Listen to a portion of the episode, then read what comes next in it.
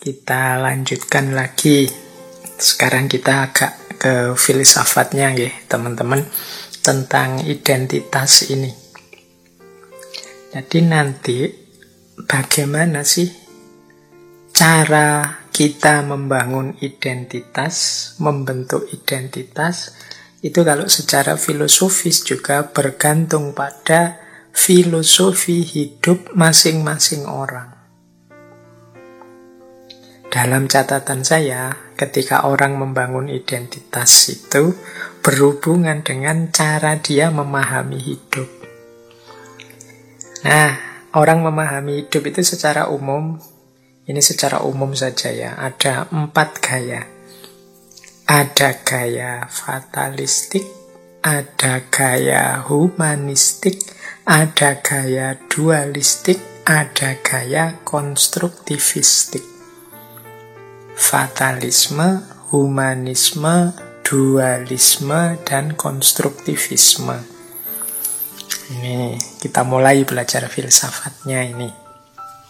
Nah, dari perspektif fatalisme, menganggap ya hidup ini sudah sepenuhnya ada mekanismenya.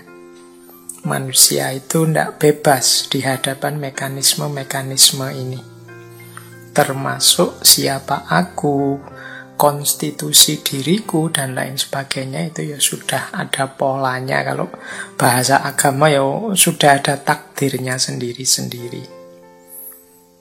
Nah, bagi orang yang perspektifnya fatalistik ini, ya dia isinya hidupnya adalah pasrah saja.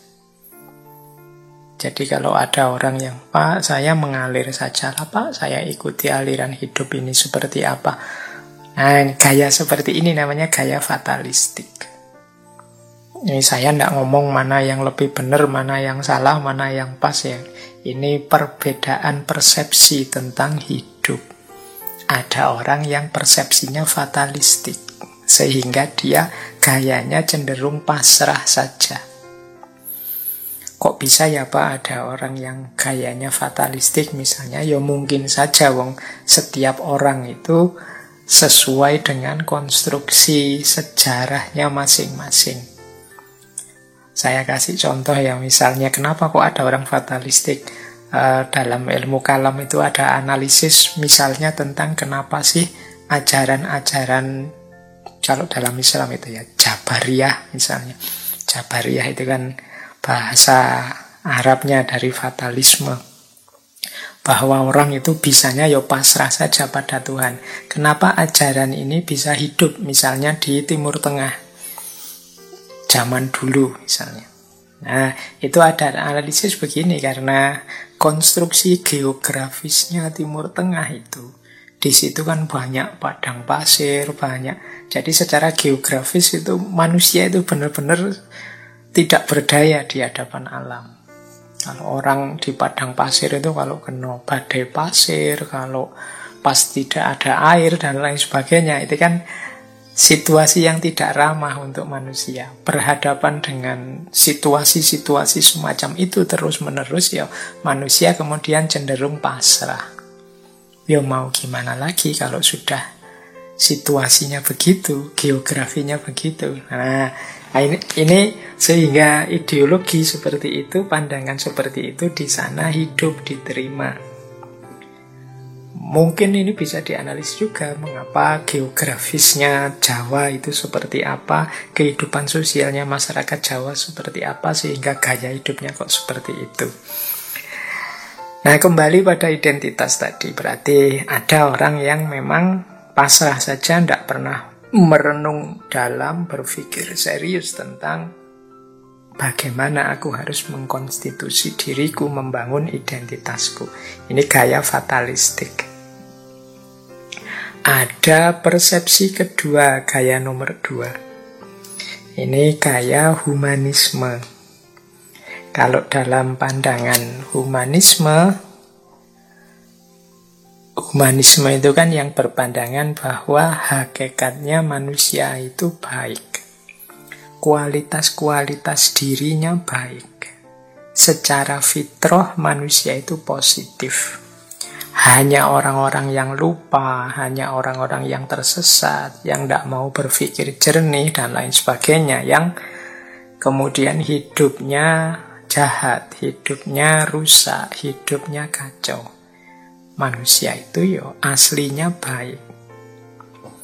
Nah, orang yang punya pandangan seperti ini ya cara dia membangun diri, membangun identitas itu dengan cara apa? Mengaktualkan potensi kebaikan yang ada dalam dirinya. Jadi hidup sebagai manusia. Kita sering pakai istilah manusia yang manusia. Karena manusia yang manusia itu pasti baik. Karena hakikat sifatnya manusia itu baik. Ini namanya humanisme. Jadi kalau ada orang bagaimana sampean membangun diri, e, membangun identitas diri ya, saya tidak macam-macam, yang penting jadi manusia saja yang baik. Nah, ya memang jadi manusia itu pasti baik dalam perspektifnya humanisme. Ini ciri kedua, jadi pandangan tentang konstruksi identitas. Ada yang ketiga, ada orang yang punya pandangan dualistik. Jadi manusia itu tidak hanya punya unsur kebaikan, tapi dalam dirinya juga ada potensi keburukan. Jadi manusia itu ya tidak baik saja, ada baiknya juga ada buruknya. Jadi fitrahnya manusia itu ya ada ahsanu takwimnya, ada juga asfala safilinnya. Ada fujuroha, ada fujurnya, tapi juga ada watakwaha, ada takwanya. Ada positif, ada negatif. Nah, orang yang berpandangan dualistik seperti ini, ya cara dia memahami hidup, menjalani hidup adalah berjuang memenangkan yang baik dan menyingkirkan yang buruk. Jadi, hidup adalah perjuangan. Hidup adalah mengalahkan yang negatif dan memenangkan yang positif. Ini gaya dualisme. Jadi yang dianggap negatif itu disingkirkan, dikalahkan.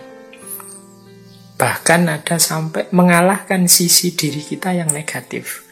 Dalam pikiran tasawuf tertentu misalnya ada pandangan misalnya dalam manusia itu yang sisi cahaya itu sisi batin dalamnya sementara sisi fisik lahiriah jasadiah itu sisi kegelapan. Maka yang lahiriah harus disapih, dikalahkan Sementara yang batin harus dimenangkan. Ini sebenarnya cara berpikir dualisme. Jadi membangun identitas diri dengan cara memilih sisi baik diri kita menyingkirkan sisi buruknya. Nah ini gaya yang ketiga. Nanti ada gaya yang keempat. Gaya yang keempat ini namanya konstruktivisme. Konstruktivisme ini asumsi dasarnya begini ya manusia itu seperti kertas kosong. Teman-teman pernah mendengar istilah ini ya manusia itu ya terlahir kosong tergantung nanti dia diisi apa, diwarnai dengan apa, dibentuk menjadi apa. Jadi kalau dalam Islam kan ada masyhur sekali hadis kullu mauludin yuladu alal fitrah. Setiap anak yang lahir itu dalam kondisi fitrah suci fa'abawahu yuhawidanihi au yunasironihi. Dua orang tuanya lah yang membuat dia jadi Yahudi, jadi Nasrani, atau jadi Majusi.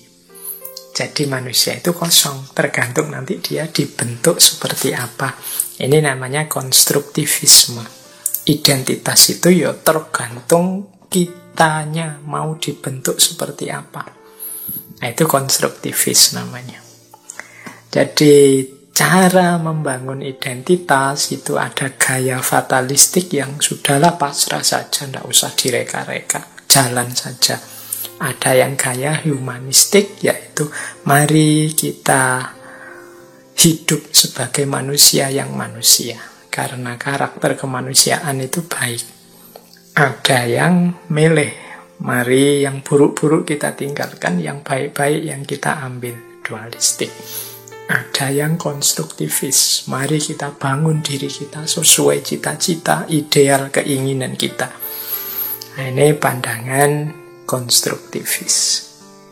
Jadi ini perspektif-perspektif teman-teman ketika kita ingin membangun identitas diri.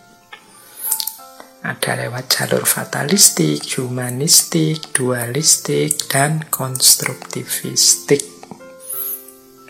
Oke, kita lanjutkan. Kelihatannya materinya masih panjang. Nah, sebelum lanjut, ini ada problem yang menarik. Yaitu pertemuan antara playing role atau being ourselves, playing your role atau being yourself dalam hidup ini. Jadi ketika kita akan bermain identitas, itu biasanya ketemu dua hal. Kita ini kan punya banyak peran, banyak role.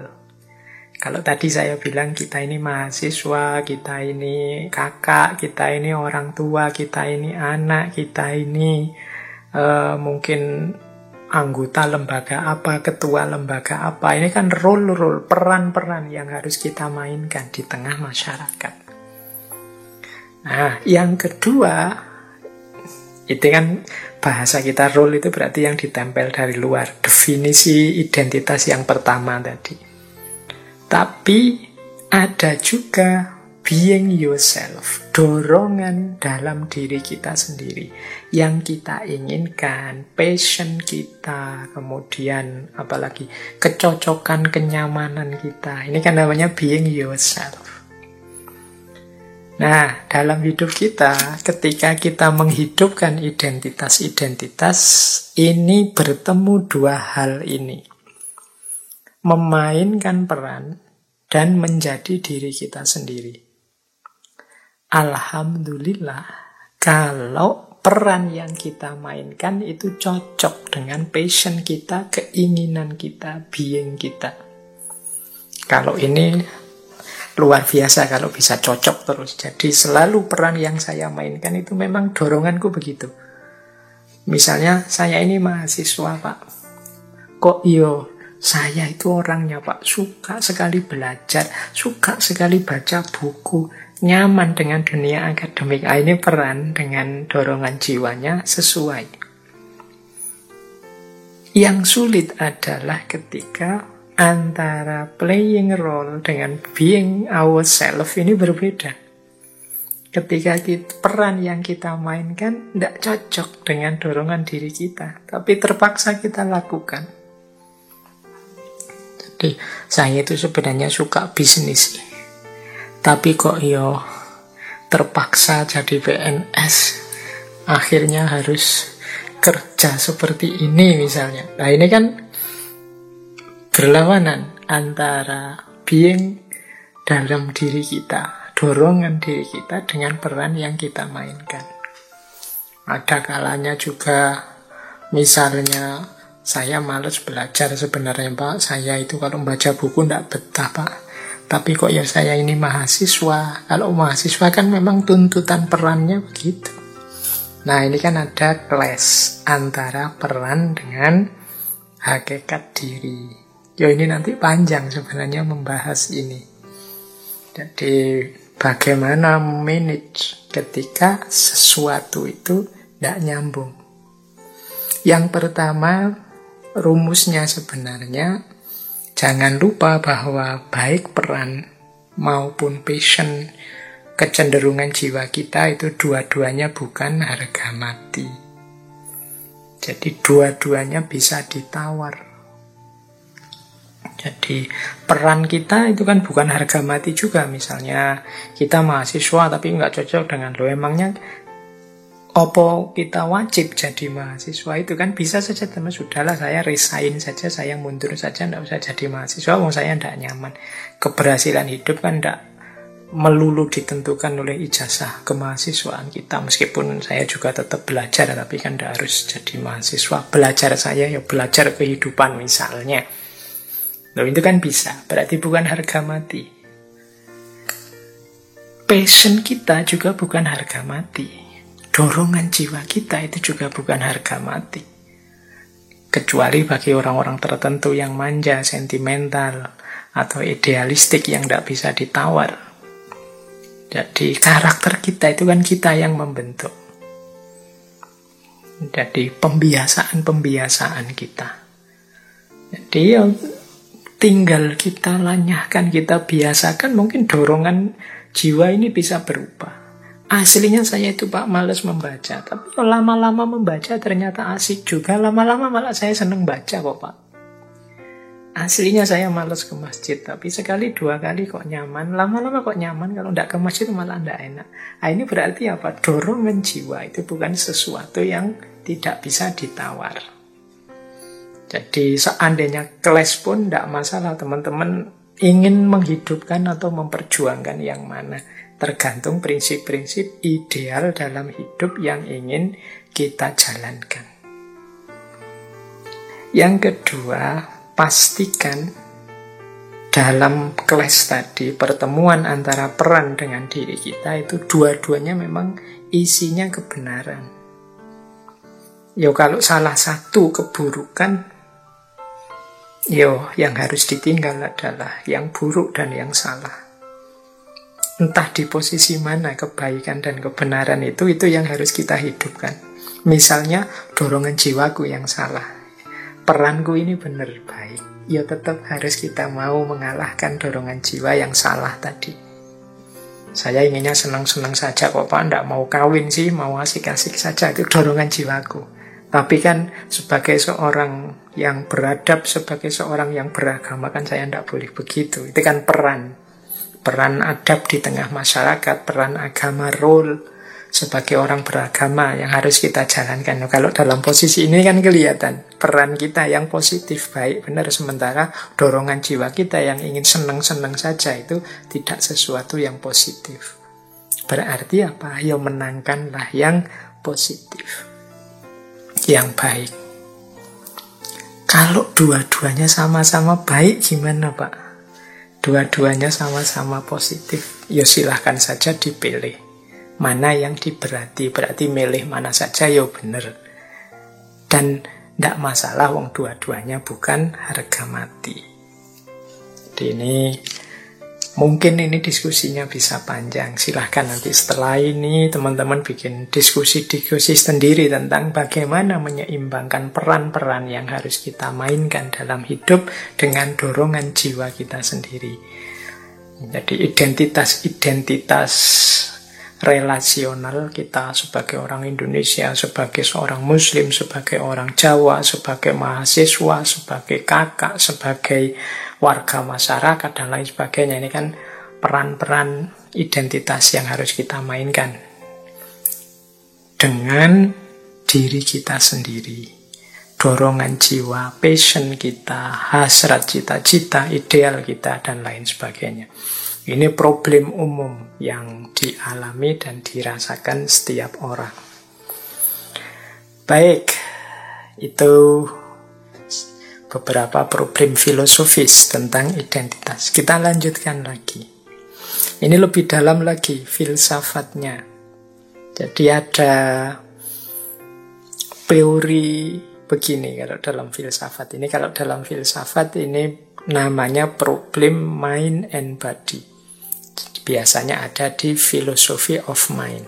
Bagaimana orang menghayati identitas dirinya, identitas personalnya.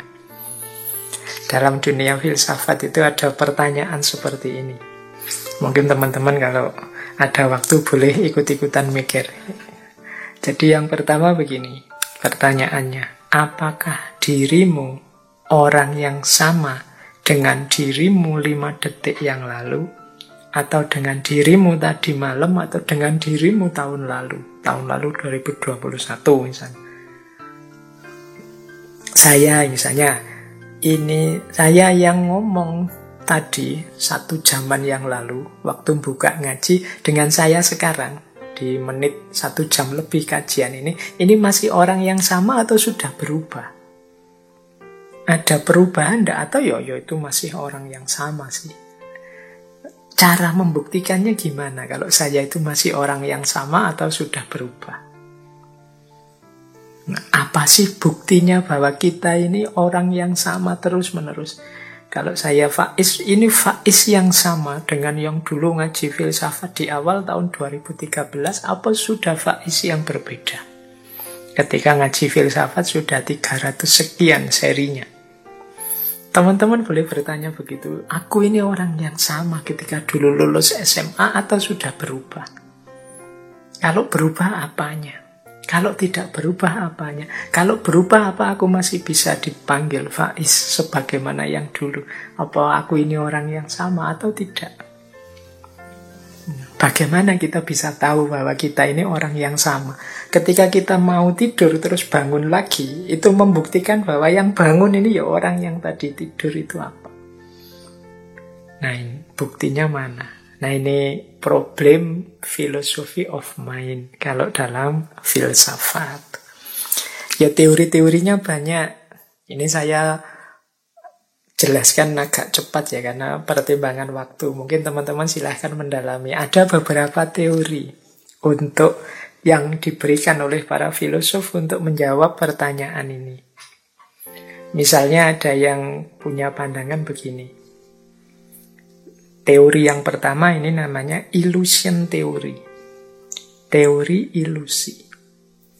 Kata teori ini tidak ada diri yang tetap sepanjang waktu kita ini berubah dari satu waktu ke waktu selanjutnya dan terus berubah menjadi pribadi yang baru.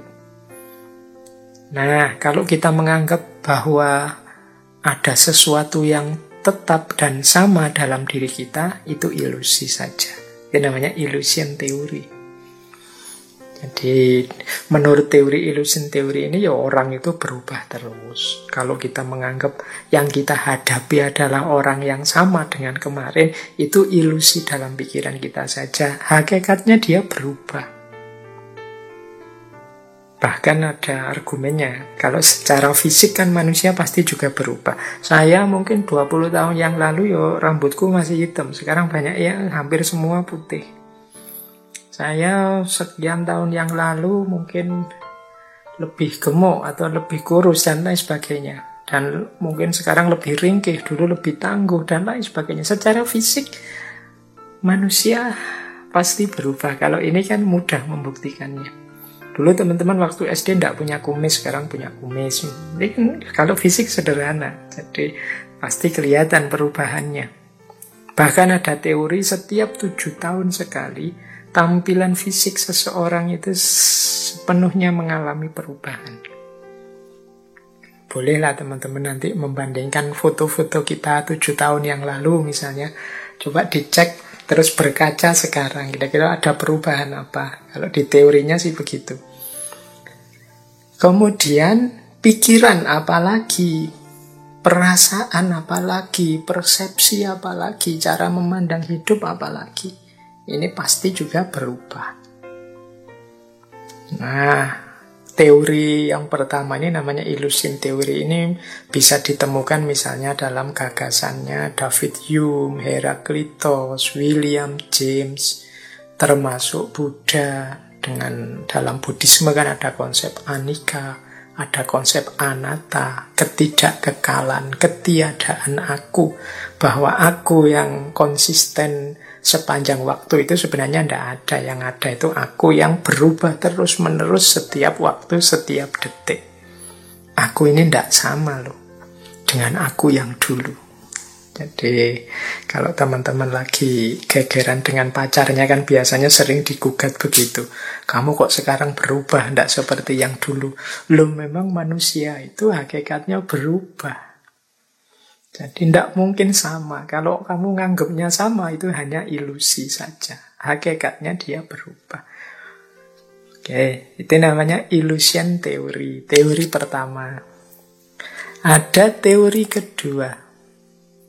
Teori kedua ini namanya body theory atau kadang disebut physical continuity.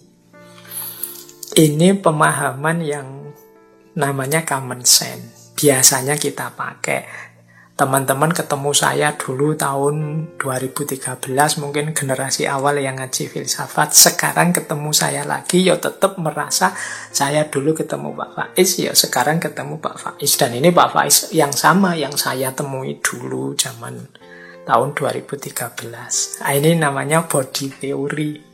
Jadi ketika kita berhadapan dengan sosok yang sama meskipun mungkin fisiknya berubah Mungkin dulu saya gemuk misalnya, mungkin dulu kumis saya panjang, sekarang tak potong misalnya. Itu kan berubah sebenarnya, tapi tetap kita sadari bahwa ini orang yang sama, Faiz yang sama.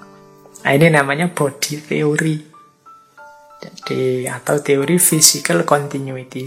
Meskipun sama sekali berubah misalnya uh, saya melakukan operasi plastik total misalnya sehingga berubah sama sekali. Tapi kan kalau kita tahu ini Pak Faiz dulu ya, memang operasi plastik saja sekarang wajahnya berubah, tapi tetap aku nganggep ini Pak Faiz. Ini namanya body theory.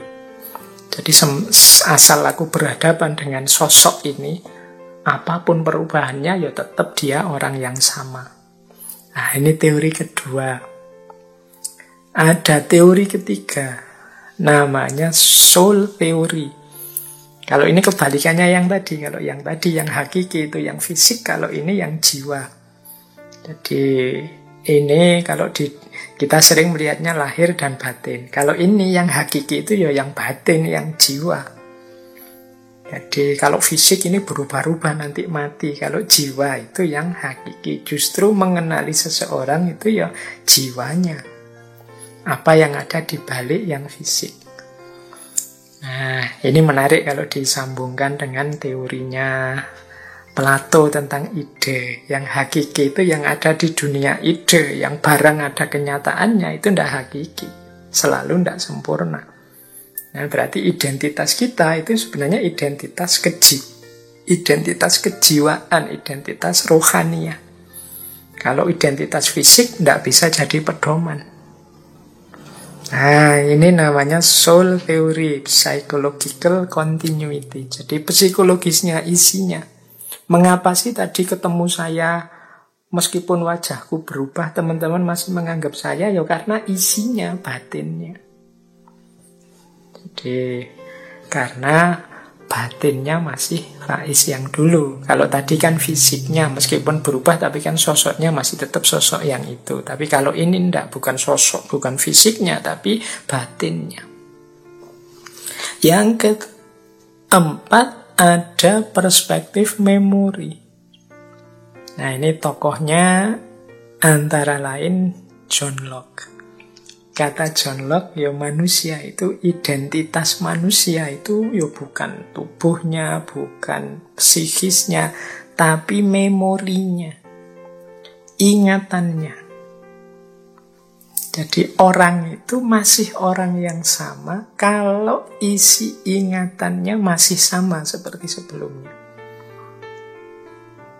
Ini teman-teman boleh ngambil case ya untuk mudahnya menjelaskan. Misalnya ada orang yang amnesia total. Kalau di drama-drama itu kadang ada orang yang lupa sama sekali tentang dirinya kenapa? karena penyakit tertentu. Nah, ketika orang lupa sama sekali tentang dirinya, ini kan hubungannya dengan memori. Dia, kalau versinya John Locke, ya bukan orang yang sama lagi. Kita tidak bisa memperlakukan dia seperti dia sebelumnya. Misalnya dia ini teman akrab kita sebelumnya. Bahkan kalau di drama-drama Korea itu ada yang sampai istrinya atau pasangannya kan sangat dekat itu harusnya. Tapi begitu kena penyakit itu lupa sama sekali. Itu kan setelah dia mengalami penyakit ini kita tidak bisa memperlakukan dia persis seperti sebelumnya. Identitasnya berubah total karena dia lupa sama sekali dengan versi sebelumnya. Maka kata John Locke, identitas itu sebenarnya dasarnya adalah memori. siapa aku itu sebenarnya kita rumuskan dari ingatan kita selama ini. Nah, ini namanya memori teori. Jadi basis dari identitas kita adalah ingatan kita tentang siapa diri kita. Bayangkan misalnya ya teman-teman besok pagi bangun ternyata isi memorinya tertukar. Misalnya isi memorinya teman-teman ketukar dengan saya. Bangun pagi teman-teman merasa bahwa saya ini Faiz loh, tapi begitu berkaca kok bukan. Tapi kan secara identitas itu ya tergantung memori. Berarti aku hidup menjalani keseharian sebagaimana isi Faiz tadi. Nah, ini kan mem memori. Kita hidup itu berdasarkan memori. Kita bangun pagi misalnya merasa, oh ini anakku, itu istriku, yang sana adikku. Itu kan berdasarkan ingatan kita selama ini.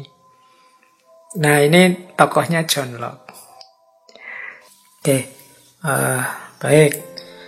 Berarti ada empat perspektif tadi ya untuk bagaimana kita menegaskan siapa aku ini.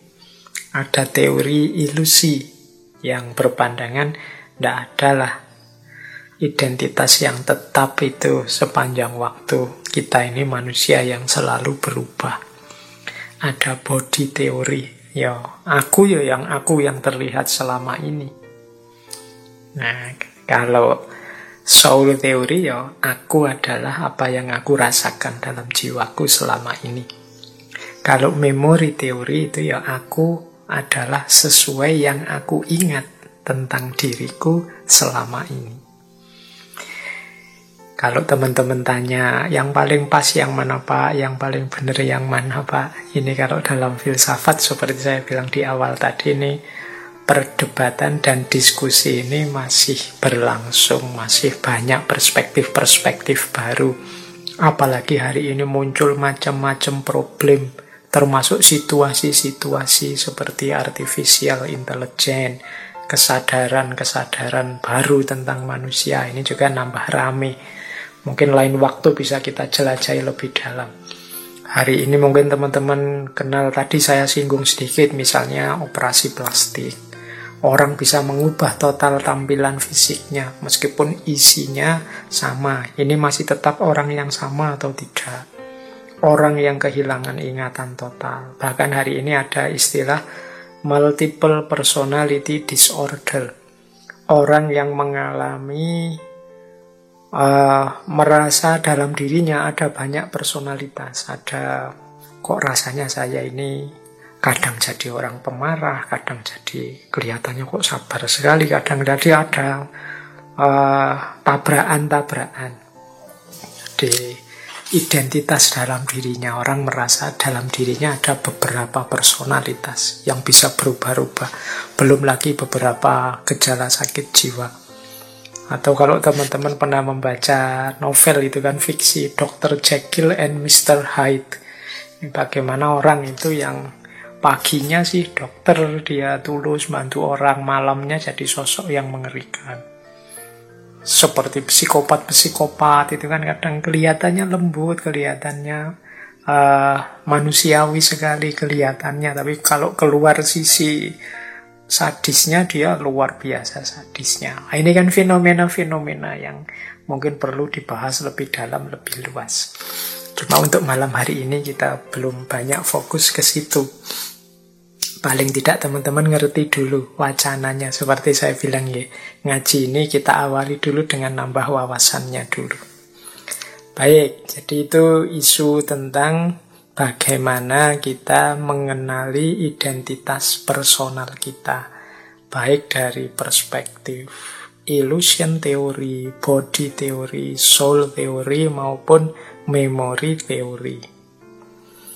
Nah, ada lagi pandangannya William James. William James ini punya pandangan tentang identitas. Menurut dia, identitas dalam diri seseorang itu bisa ada tiga jenis yang bisa saling berbeda. Yang pertama, aku menurut diriku. Yang kedua, aku menurut orang lain. Dan yang ketiga, aku yang sebenarnya. Ini beda-beda. Pemahamanku terhadap diriku mungkin beda dengan pemahaman orang lain tentang diriku, bahkan bisa juga beda dengan kenyataan diriku yang sebenarnya. Misalnya, ada orang yang permisif, menganggap dirinya itu baik terus, padahal hakikatnya dirinya itu buruk. Dirinya itu suka bohong, tapi dia merasa lu kebohonganku itu kan beralasan, kebohonganku demi, demi kebaikan, sehingga kebohongan itu dihitung sebagai baik. Sebenarnya kan dia bohong, sebenarnya dia ini pembohong, tapi dia memahami dirinya sebagai orang yang baik, mulia.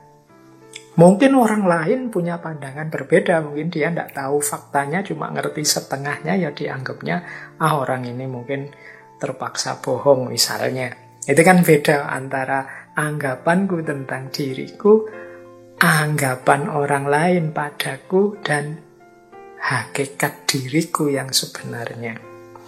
Maka kata William James, ketika dua orang bertemu, itu sebenarnya ada enam orang yang hadir. Yang pertama apa? Yaitu pandangan masing-masing tentang dirinya. Jadi kalau dua orang bertemu, yang pertama ketemu itu pemahaman masing-masing orang, yang ketemu itu tentang dirinya sendiri-sendiri. Kemudian dua lagi yang ketemu adalah pandangan masing-masing tentang yang lain pandanganku tentang dirimu dan pandanganmu tentang diriku. Ini kan dua. Dan yang ketiga, hakikat yang sebenarnya dari diri masing-masing. Itu kan dua lagi berarti enam. Jadi kalau kita ketemu empat mata itu sebenarnya yang ketemu tidak empat mata, tapi dua belas mata. Jadi orang yang dua orang pertama ini aku menurut diriku masing-masing, dua orang kedua aku menurut masing-masing kita menurut orang lain, dan yang ketiga aku yang sebenarnya. Ini masing-masing kan dua, jadi enam, matanya dua-dua jadi dua belas. Jadi pertemuan empat mata itu sebenarnya pertemuan dua belas mata. Ini menurut William James. Jadi kalau teman-teman nanti berefleksi, memahami diri, coba didalami lagi.